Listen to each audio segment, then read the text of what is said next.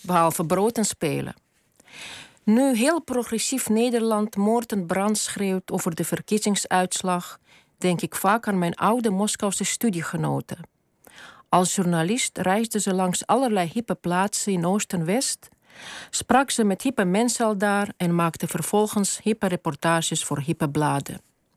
Maar op een keer ging ze voor een reportage naar de binnenlanden van Rusland en kwam ze totaal ontredderd en geschokt terug. Was dat haar land, haar volk? Terwijl heel progressief Nederland het volk wil redden van de zonvloed, misogynie, racisme en obesitas, doet het volk precies het omgekeerde. Kennelijk wil het volk niet gered worden. Als ik aan mijn progressieve vrienden vertel dat twee van mijn buurvrouwen op de geblondeerde verlosser hebben gestemd, trekken ze een vies gezicht. Die buurvrouwen hebben bekende argumenten. Ze zijn het allemaal zat en ze missen Zwarte Piet. Eentje frequenteert alle paranormale beurzen en gelooft dat de geest van de overleden vorige bewoner van een flat nu in haar zoontje huist. De wenkbrauwen van de progressieve vrienden schieten omhoog. De andere is een grote dierenvriend en heeft nog getwijfeld of ze de Partij voor de Dieren zou stemmen. Maar het feit dat de verlosser in spe altijd zegt waar het op staat, heeft de doorslag gegeven. De progressieve vrienden glimlachen meewarig. Of zij racistisch zijn. Eén heeft Surinaamse vrienden en de andere heeft intens, leeft intens mee met het liefdesverdriet van de Turkse ex van weer een andere buurvrouw. Zij vindt hem een superlieve jongen en hoopt vurig dat het goed komt. Nederland is maar een speeldeprikje vergeleken bij Rusland. Maar weten de progressieve vrienden wat zich buiten de ring van hun beschaafde cosmopolitische wereld afspeelt? En vooral, voelen ze het wel?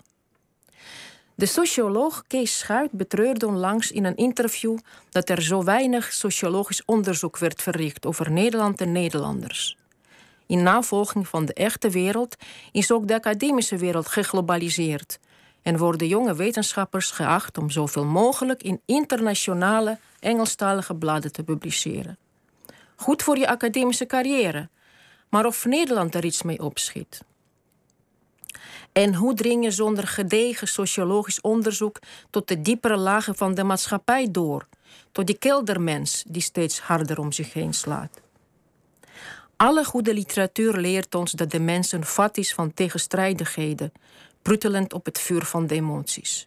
Ja, ik heb het hier over die vermaledeide onderbuik, dat reusachtige orgaan waarin al onze demonen koken.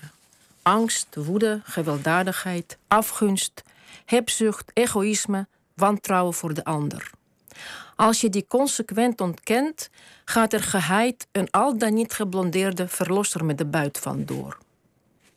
Ik heb me altijd afgevraagd wat de notabelen van Hamelen over het hoofd hebben gezien.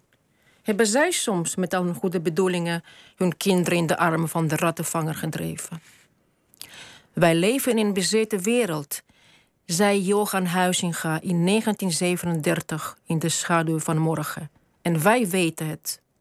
Hoe maak je in die bezeten wereld van consumenten weer burgers? Van nummers mensen, van cliënten patiënten, van producten dieren. En dat de Sabbat voor de mens is in plaats van de mens voor de Sabbat. Want dat wil het volk, deep down. Dankjewel, Sana Valiulina.